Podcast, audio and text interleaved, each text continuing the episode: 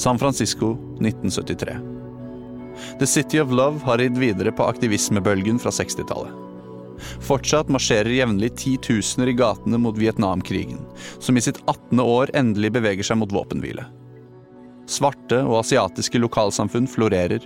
Krigsveteraner søker tilflukt i Tenderloin-området, og homofile flokker mot den liberale havnebyen i søken etter et fristed. Gatemusikanter spiller på bongotrommene sine på dagtid, og sexklubbene lyser opp kveldene. 70-tallets San Francisco er pornoindustriens mekka. Men også sentrum for en rekke monumentale musikalske bevegelser innen jazzen, rock og fusion. Men ikke alt er peace and love i Frisco Bay. Et kobbel kadavere ligger igjen etter Zodiac-morderen, som fortsatt er i vinden.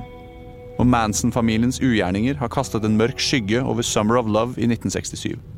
Det er ikke lenge til The Golden State Killer tar California inn i et nytt mareritt, samtidig som kultlederen Jim Jones bygger seg opp i San Francisco. Som skal resultere i at nesten 1000 mennesker mister livet i Jonestown-massakren i 1978.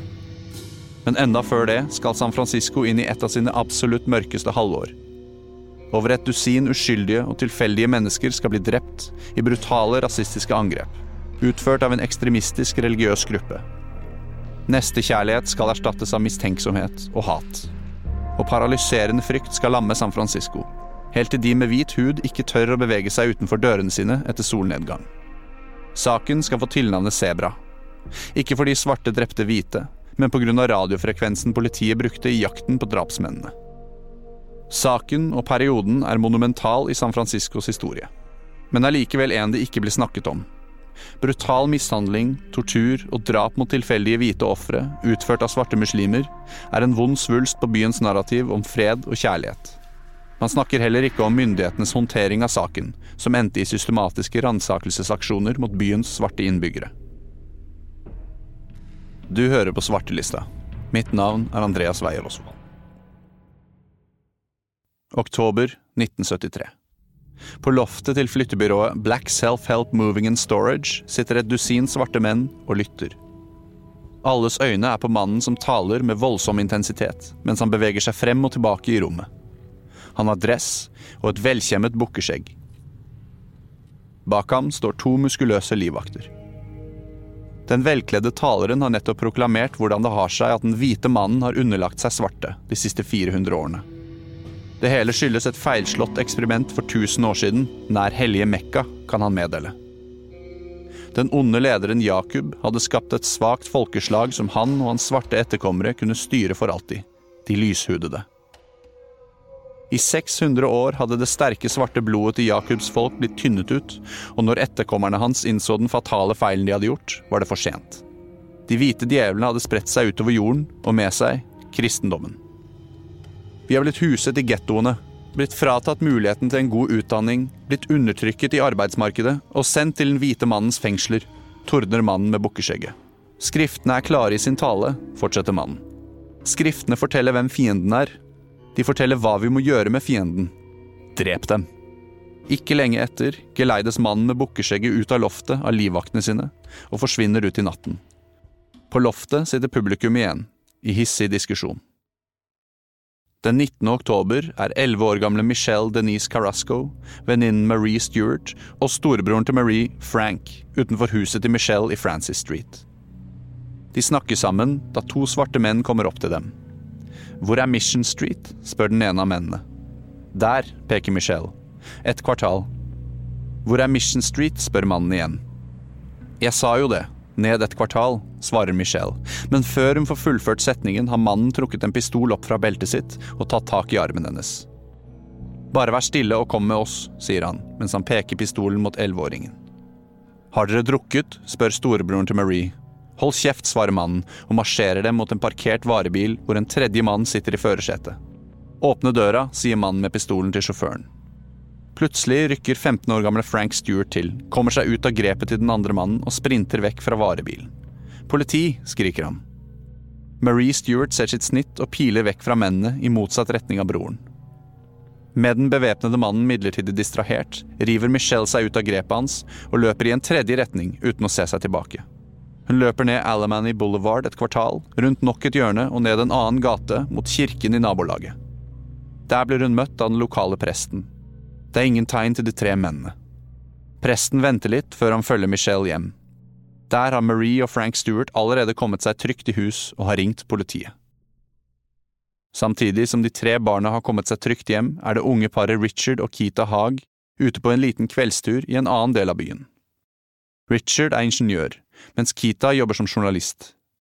Forrige måned hadde de feiret syvårsjubileet sitt. De to går hånd i hånd ned Chestnut Street, hvor de bor. Foran dem står to svarte menn på hver sin side av fortauet. På andre siden av gaten står en varebil parkert. Idet paret går mellom de to mennene, griper den ene av dem tak i armen til Richard. Stopp, kommanderer han. Dere blir med oss. Kita begynner å løpe.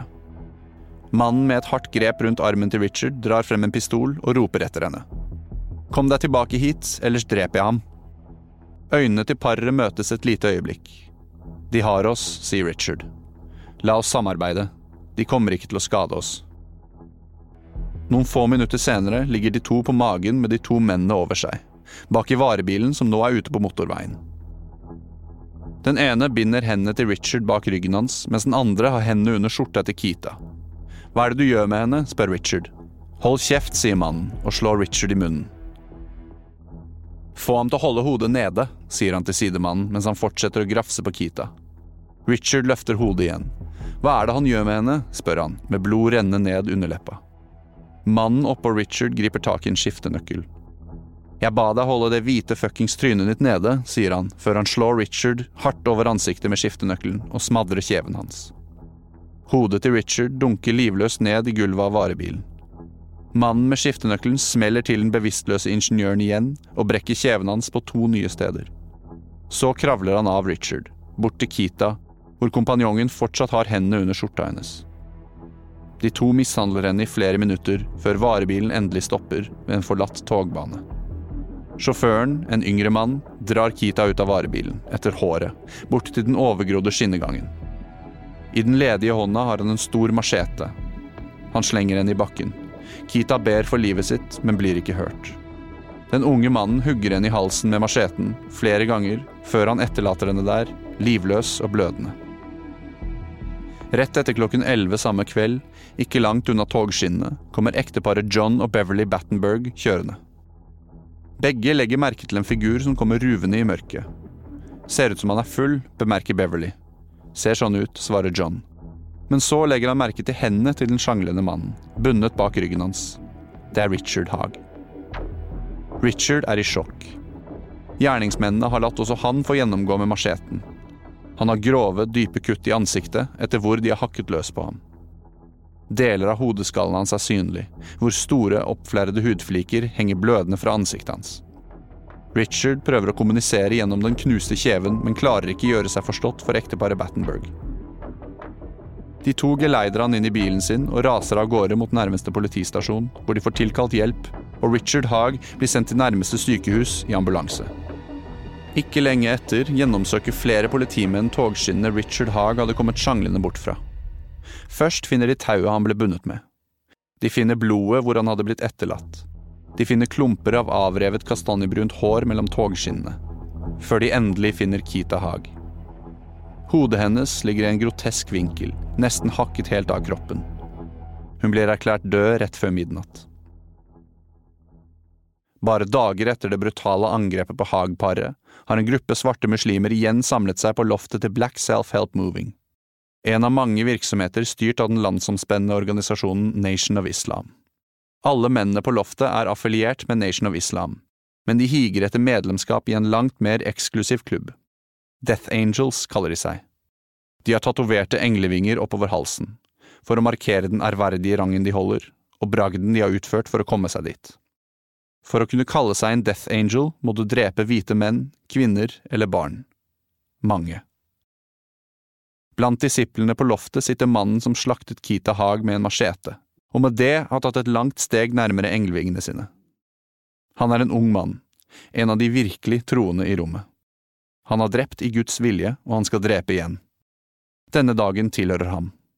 En annen som sitter i rommet, er en mann med navn Jesse Lee Cooks, etter å ha hakket løs på den bevisstløse Richard Haag, var Cooks sikker på at også han hadde tatt sitt første offer. men det var med skuffelse og frustrasjon han dagen etter kunne lese at mannen hadde overlevd. Flere i rommet flirer av Jesse nå. Han hadde mannen bevisstløs, med hendene bundet bak ryggen, og en machete stor nok til å hogge ned et tre. Hvordan hadde han prestert å ikke drepe ham? At ting ikke gikk veien for Jesse Lee Cooks, var for så vidt ikke noe nytt. Tolv år gammel forsøkte han å kvele den sovende moren sin med en pute, men mislyktes. Han ble sendt til en interneringsskole i St. Charles, Illinois, kjent som Charlietown. Charlietown var en beinhard plass, hvor det eneste elevene ble lært opp i, var kriminalitet. Derfra gikk det én vei for Cooks. Han falt tidlig ut av skolesystemet, var inn og ut av arresten for tyveri, vold og ran, og dro fra sted til sted uten mål og mening. 22 år gammel fant han seg i Omaha som far til fire små barn. Uten reell mulighet til å forsørge dem på lovlig vis, begynte han å rane banker for småsummer. Det tok ikke lang tid før den ressurssvake Cooks ble arrestert og dømt til syv og et halvt år i fengsel. Etter å ha blitt sendt fra fengsel til fengsel i flere forskjellige stater, endte Cooks til slutt opp i San Quentin i California. Det var her han endelig ble tatt inn i varmen, i fengselsmoskeen til Nation of Islam. Tilbake på loftet har mannen med bukkeskjegget satt på en film. Den er lydløs, men mannen snakker over bildene. Dette er fra Watts-opptøyene, sier han. Det var mange presseoppslag om tyveri. Det var unnskyldningen politiet brukte for alle de knuste svarte hodeskallene og ødelagte svarte ansiktene som lå igjen, sier han. Filmen skifter til klipp fra sørstatene. Svarte kvinner og barn traskende ute i åkrer, uten sko, med melsekker til klær. Jesse Lee Cooks stirrer på bildene. Han har endelig funnet en tilhørighet, og satt seg et mål for øynene. Han hadde feilet i angrepet på Richard Haag, men det skulle gjøres opp for. Umiddelbart. Det er den 29. oktober i San Francisco, ved Universitetet i California. 28 år gamle Frances Rose kommer kjørende i Mustangen sin på vei til en kveldsforelesning. Da en mann plutselig kommer ut av et buskas ved veien, beveger seg raskt mot bilen, åpner passasjerdøra og setter seg inn. Frances har knapt tid til å reagere før mannen drar fram en pistol og skyter henne fire ganger i overkroppen og ansiktet. To politibetjenter ute på patrulje nær universitetet haster til åstedet og finner den 28 år gamle studenten hengende ut av bilen sin. Frances Rose dør der og da. Etter å ha fått vitnebeskrivelser av gjerningsmannen, kaster betjentene seg inn i patruljebilen og begynner å saumfare gatene. I Steiner Street ser de en som passer beskrivelsene. En svart, muskuløs mann rundt 1,80 med barbert hode. Det er Jesse Lee Cooks.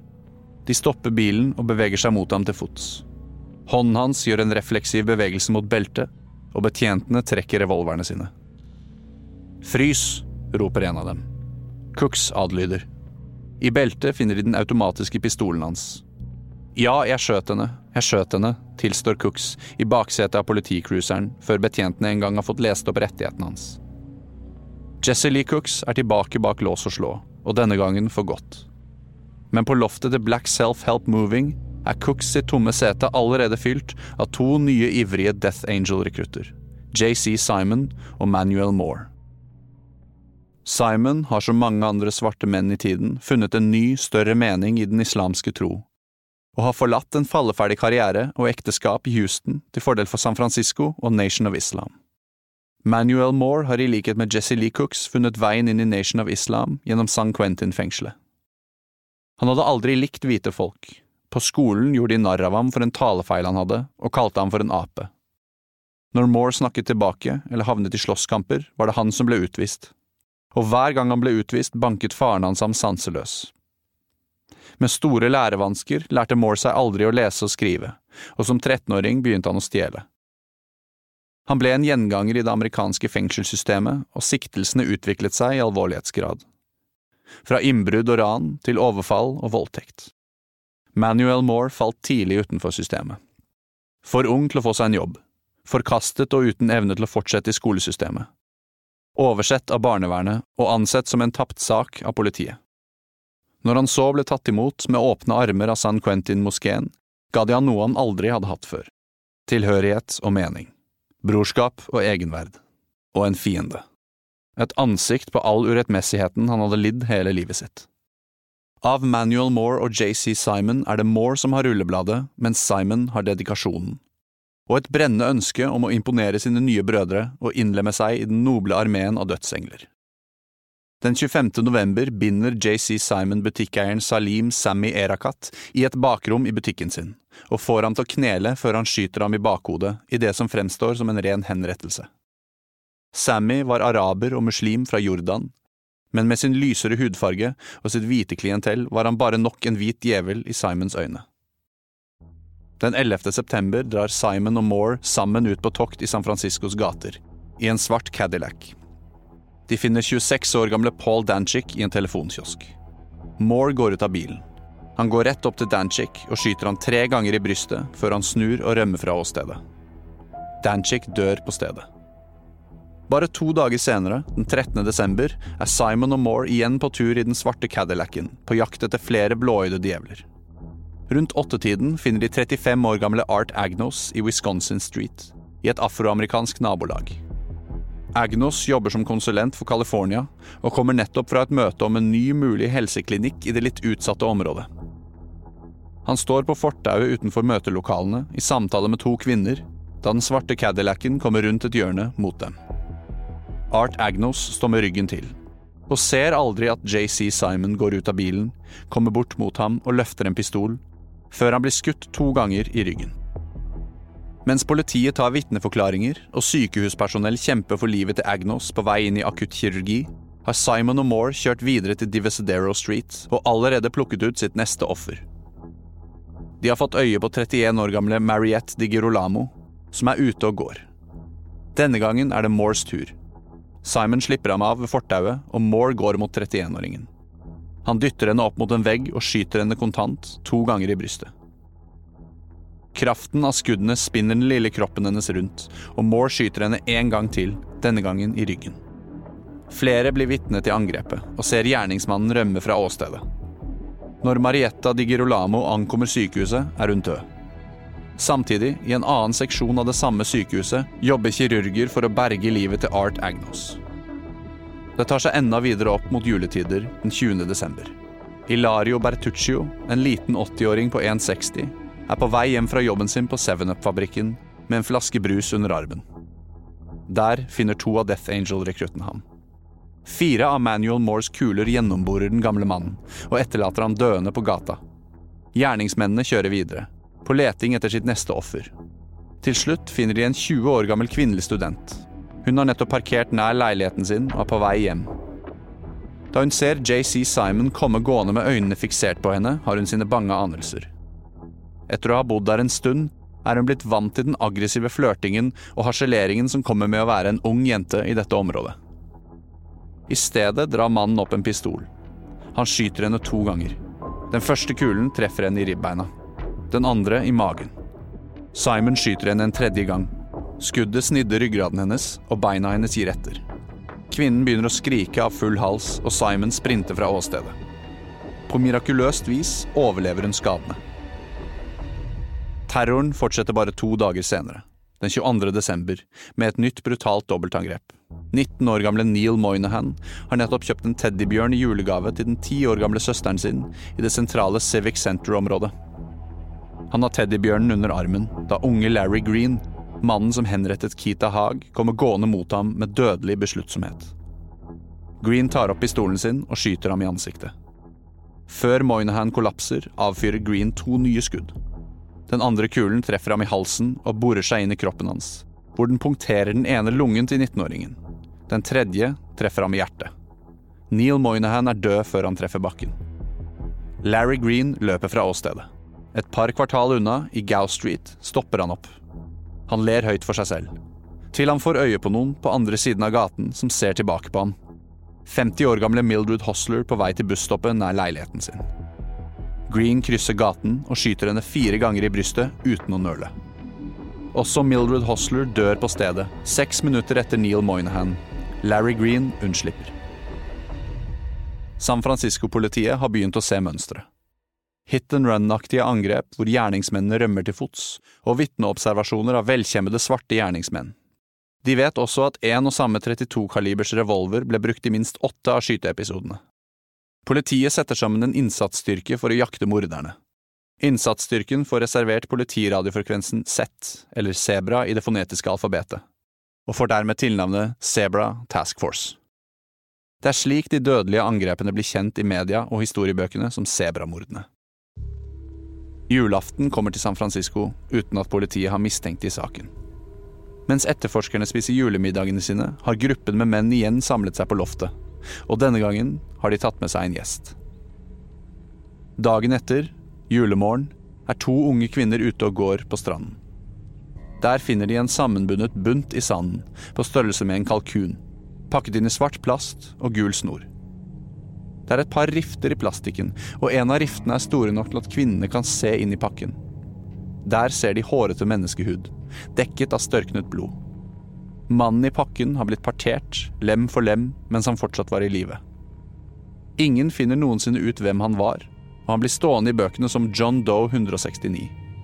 Eller, for enkelte i San Francisco-politiet med makaber sans for humor, julekalkunen. Historien om sebramorderne er tilbake etter dette. Den 28. januar 1974 er det duket for det etterlengtede returoppgjøret mellom Mohammed Ali og Smoking Joe Frazier. Ali er lysten på en ny sjanse på tungvektstittelen og revansj etter det bitre tapet i den såkalte Fight of the Century-kampen fra 1971, etter å ha blitt bannlyst fra bokseringen etter militærnekt. Fem dager før returkampen hadde det brutt ut slåsskamp mellom de to i TV-studioet til ABC, der Frazier påsto at Ali hadde måttet legges inn på sykehus etter den forrige kampen dem imellom. Ali svarte med å kalle Frazier for ignorant, og beskyldte ham selv for å ha tilbrakt en måned på sykehus etter kampen. Hundretusener ser Ali få sin revansj over Frazier etter tolv fulle runder i Madison Square Garden, til enstemmig avgjørelse. Tre som får med seg kampen, er JC Simon, Manuel Moore og en tredje mann fra Black Self-Help Moving. Etterpå går de samlet ut av Winterland-auditoriet hvor kampen var blitt direktesendt, i ekstase over seieren til svarte og muslimske Amerikas store idol. Ali hadde møtt Malcolm X i 1962, og rettighetsforkjemperen ble bokserens spirituelle og politiske mentor. I 1964 sa bokseren fra seg fødenavnet sitt Cassius Marcellus Clay jr. til fordel for Muhammad Ali, og ble medlem av Nation of Islam. Cassius Clay er slavenavnet mitt, uttalte han senere. Jeg er Amerika. Jeg er delen du ikke anerkjenner, men jeg forsvinner ikke. Svart, selvsikker, arrogant, navnet mitt, ikke deres. Min religion, ikke deres. Mine drømmer, mine egne. Bli vant til meg. Med adrenalinet etter Alis seier pumpende gjennom årene, begir de vordende dødsenglene seg ut i den svarte Cadillacen, bestemt på å slakte flere hvite djevler i Allahs navn. Dødsturen begynner nedover Gary Boulevard, hvor Simon får øye på en hvit kvinne og ber Moore stoppe bilen. 32 år gamle Tana Smith er på vei til en tekstilbutikk. Hun ser aldri Simon komme opp bak henne før han løsner to skudd i ryggen hennes.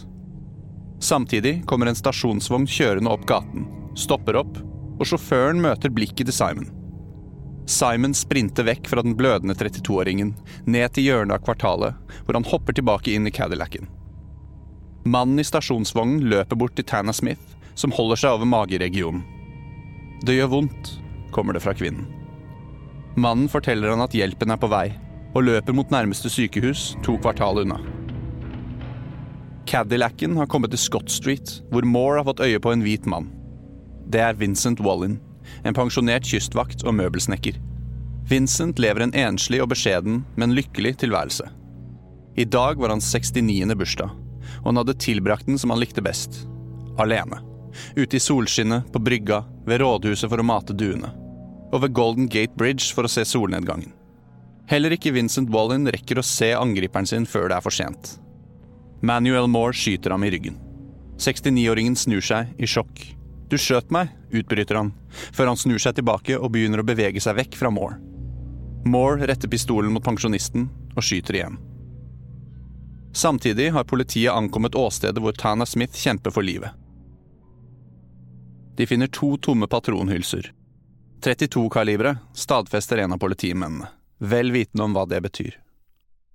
I Cadillacen har Simon og Moore begynt å legge press på den tredje mannen i bilen, Anthony Harris. Harris hadde blitt kjent med Moore og Jesse Lee Cooks i San Quentin, hvor også han fant veien inn i Nation of Islam. De siste månedene har han sett de muslimske brødrene sine spinne ut av kontroll i sin higen etter englevinger, samtidig som han selv har blitt implisert i flere av de brutale ugjerningene. Det var Harris som sto vakt da Simon henrettet Sammy Erakat. Det er hans 32-kaliber Beretta som har blitt brukt i flere av angrepene. Og det var han som ble sendt for å dumpe det parterte liket av John Doe nummer 169 i havet. Harris er mer enn en uskyldig tilskuer. Det var han, sammen med Cooks, som mishandlet Keita Haag før Larry Green halshugget henne. Så langt har han unngått å selv ta liv. Og i mange uker har han motstått presset fra brødrene sine og servert unnskyldning etter unnskyldning for hvorfor han ikke kan bli med på drapstoktene deres. Men nå er han tom for unnskyldninger. Bevis at du er en av oss, sier Simon, kontant, og gir ham pistolen sin. En ny 32-kaliber Beretta. Stopp bilen, sier Harris, som går ut av Cadillacen og tar med seg pistolen ut i en bakgate. Der står 84 år gamle John Bambick og graver i en konteiner. Harris går opp til den gamle lofferen og skyter ham i ryggen. Først én gang, så igjen. 84-åringen faller først forover, mot kanten av konteineren, før han rykker om 180 grader og griper tak i halsen til Harris med begge hender. Et gutturalt brøl kommer fra Bambik mens han kveler Harris. Harris, kanskje for satt ut til å huske at han har en pistol, kan ikke gjøre annet enn å be om slippe. Og til slutt gjør John Bambik det. Styrken ebber ut av den gamle kroppen. Skuddet har gjort for mye skade, og han kollapser langs konteineren. Gamle, hvite jævel hveser Harris mot den falne Bambik, før han løper tilbake til Cadillacen. På sykehuset San Francisco General blir Vincent Wallin erklært død klokken ni, mens leger i traumeavdelingen fortsatt jobber febrilsk for å redde Tana Smith. Cirka seks kilometer sør for bakgata hvor John Bambic nå ligger død, cruiser den svarte Cadillacen forbi et vaskeri i et afroamerikansk nabolag. Blant de svarte kundene som sitter og venter på klesvasken sin, får Manuel Moore øye på 45 år gamle Jane Holly. Jane er hvit. Til protester fra Simon og Harris stopper Moore bilen og går inn i vaskeriet. Der går han rett opp til Jane Holly og skyter henne to ganger i ryggen. Til de andre kundenes vantro og sjokk. Moore snur og forlater vaskeriet uhindret. To etterforskere fra Sebra-enheten har sett mønsteret og prøvd å beregne seg til hvor det neste angrepet vil utspille seg. De er litt over en kilometer unna da meldingen om skytingen på vaskeriet kommer inn på politiradioen. 32 kaliber igjen. Men de er nok en gang for sent ute. Kvelden er fortsatt ikke over. I Edinburgh Street får Simon øye på 23 år gamle Roxanne Macmillian, som bærer esker inn i den nye leiligheten sin. Han går opp til henne. Hei, sier han. Hei, sier hun tilbake. Så løfter Simon pistolen og skyter henne to ganger. I ryggen og i siden. Inne i leiligheten hører Alan John Macmillian sin kones skrik og styrter ut til henne. Der finner han henne, liggende på siden, i en voksende dam av blod. Gjerningsmannen er borte. Etter en lang natt klarer kirurgene på Mission Emergency å berge livet til Roxanne Macmillian, men ikke beina hennes. Hun blir permanent lammet fra livet og ned.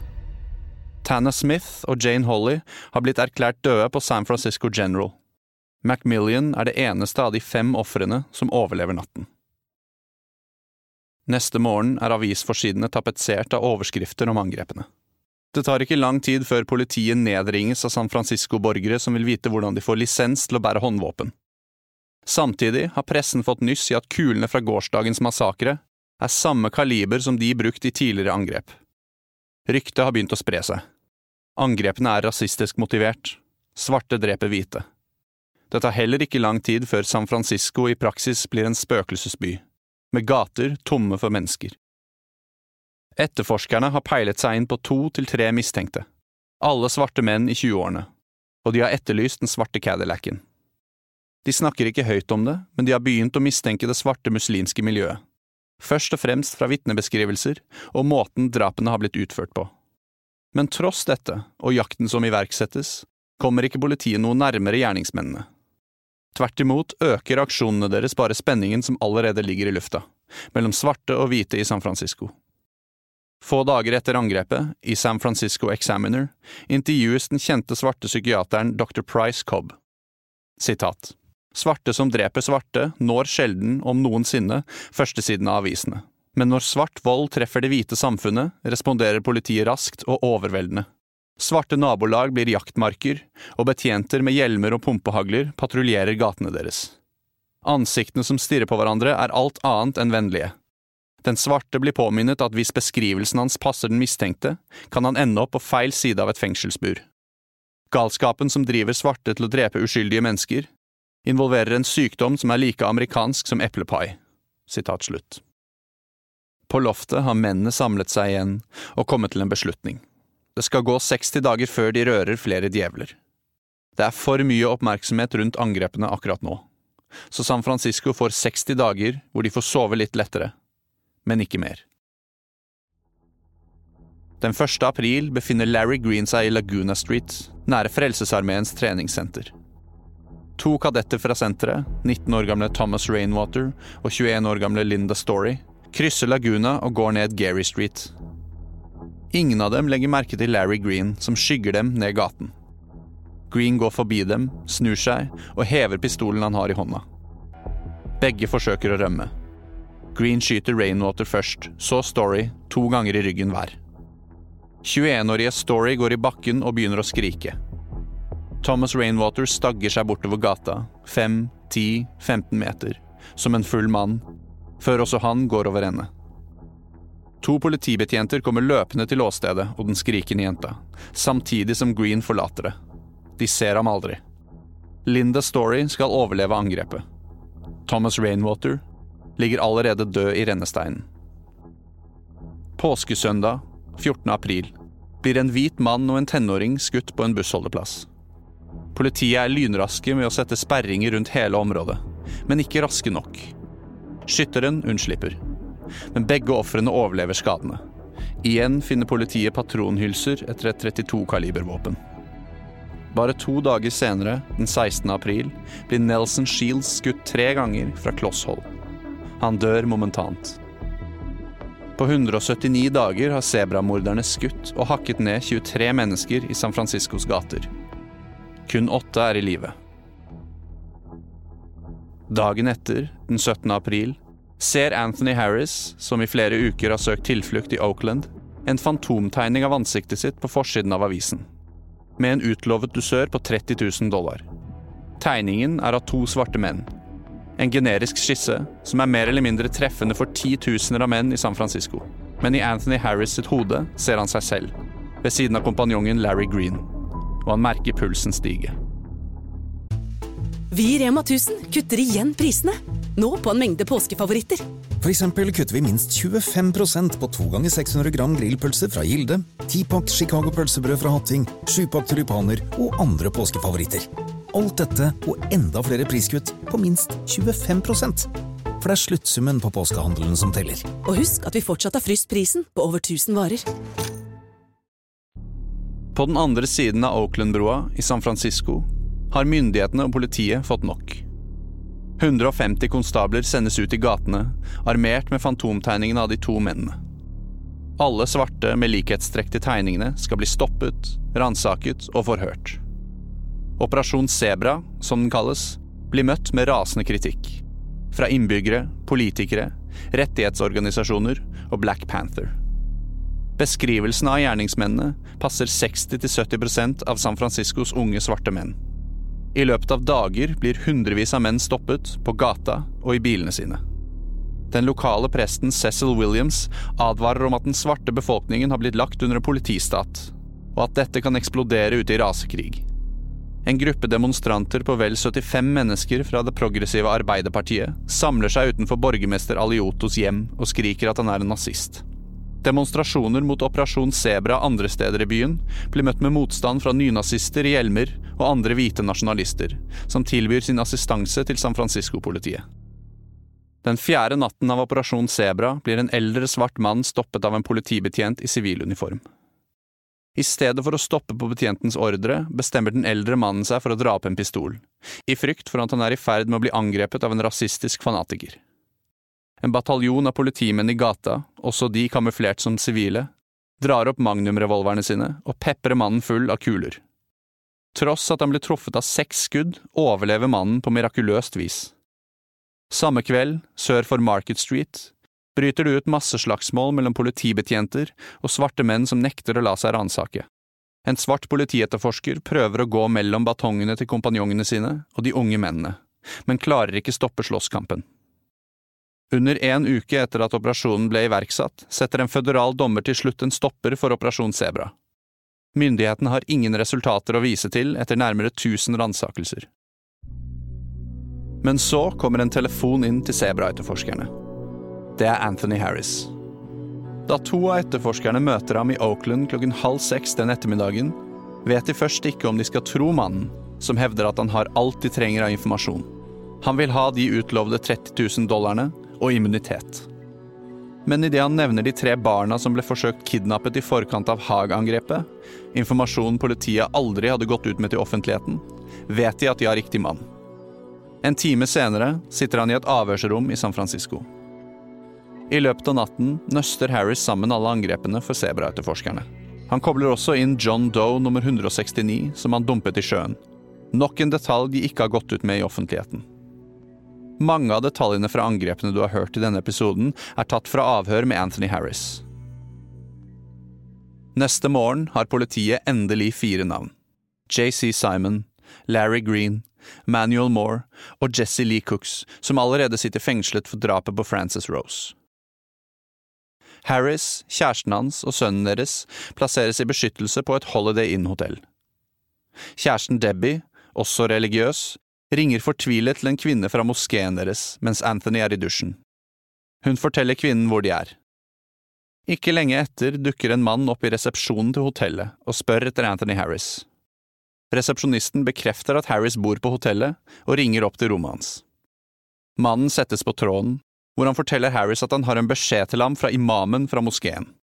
En beskjed han helst vil overlevere ansikt til ansikt. Harris legger på.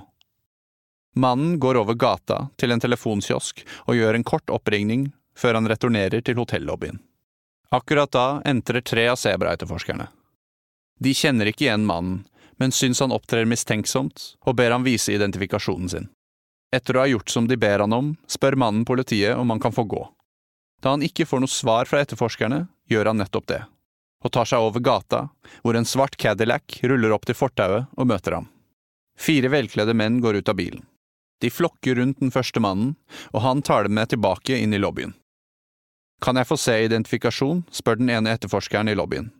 Nei, svarer en av dem kontant, før han kommanderer de andre mennene opp trappene. Mens en etterforsker prøver å kjøpe tid, har to andre eskortert familien Harris ned en branntrapp på baksiden av hotellet.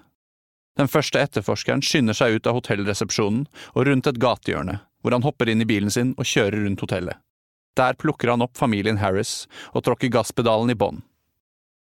Da mennene som gjennomsøker hotellet hører den hvinende lyden av gummidekk mot asfalt, løper de ned trappene og ut i gatene. Men for sent. Familien Harris flyttes til et nytt hotell, denne gangen under dekknavn. Etter flere dager med avhør av Anthony Harris går han til slutt med på en formell innrømmelse og vitneerklæring på den betingelse at han blir lovet immunitet direkte fra ordfører Alioto. Alioto, ute på valgkampreise, blir informert og flyr fra Los Angeles til San Francisco samme kveld etter midnatt. Klokken tre om natten møter han Anthony Harris ansikt til ansikt, og den fellende vitneerklæringen blir gitt. De vet det ikke enda selv, men dødsenglene har tatt sitt siste liv. Før soloppgang den 1. mai 1974 stormer en liten hær på rundt 100 politibetjente leiligheter i Fillmore og Groove Street, samt Black Self-Help Moving and Storage i Market Street. Syv mistenkte blir arrestert den morgenen, inkludert JC Simon, Manuel Moore og Larry Green. Marerittet er over. Og ikke et sekund for tidlig. To dager tidligere hadde en pickup med en langhåret hvit mann kjørt opp langs en personbil med to unge svarte gutter, og avfyrt tre skudd som etterlot én skadet og én død. Spenningen i San Francisco var på bristepunktet, med tendenser til ren rasekrig. Etter det som den gang var delstatens lengste rettssak, blir Simon, Moore og Green, samt Cooks, som allerede sitter arrestert, koblet til og dømt for sebramordene. Alle andre går fri, inkludert eieren av Black Self-Help og den svarte Cadillacen Tom Manny. San Francisco-politiet fortsetter å overvåke Black Self-Help Moving. Enkelte frustrerte politimenn kutter opp dekkene til ansatte i flyttebyrået i håp om å fremprovosere en reaksjon fra Manny eller andre. Men mordene stopper etter arrestasjonen av Green, Moore og Simon, Og til slutt må politiet legge mistankene sine på hylla. Samtlige av de vordende dødsenglene får livstid, i et California som i 1974 ikke hadde dødsstraff. Den 12. mars 2015 blir JC Simon funnet død i cella si i San Quentin, 69 år gammel. Manuel Moore, Larry Green og Jesse Lee Cooks sitter fortsatt fengslet for ugjerningene sine. Da borgermester Alioto holdt pressekonferansen om arrestasjonen av sebramorderne, koblet han dem inn i en større muslimsk konspirasjon om å drepe hvite amerikanere, begått av en gruppe som kalte seg Death Angels.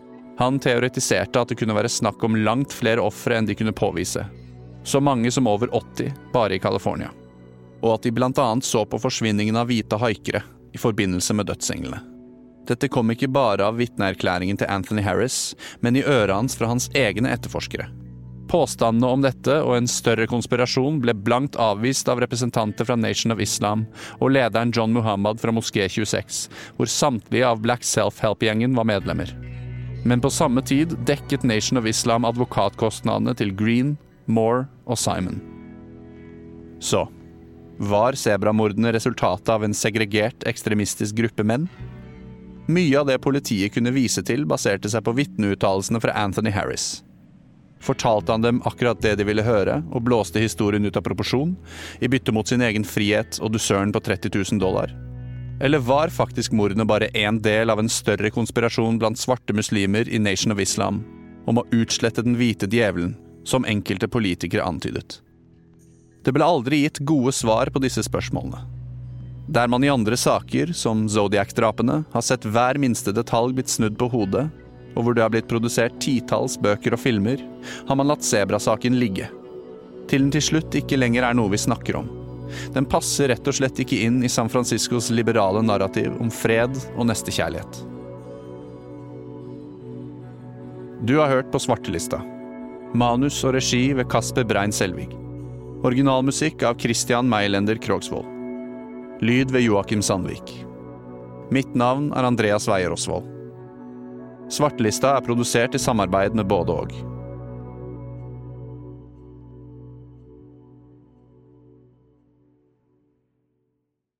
Det er en deilig følelse når noen tenker på deg. Men det er ganske deilig når noen tenker for deg også. Når du velger Kolonihagen, kan du være trygg på at noen har tenkt for deg. Dyrevelferd og ansvar er hensyntatt, og du kan bare nyte den gode smaken. Derfor har vi i Rema 1000 et stort utvalg av økologiske kvalitetsprodukter fra Kolonihagen til en lav pris. Rema 1000. Det er sluttsummen på valgene vi tar, som teller.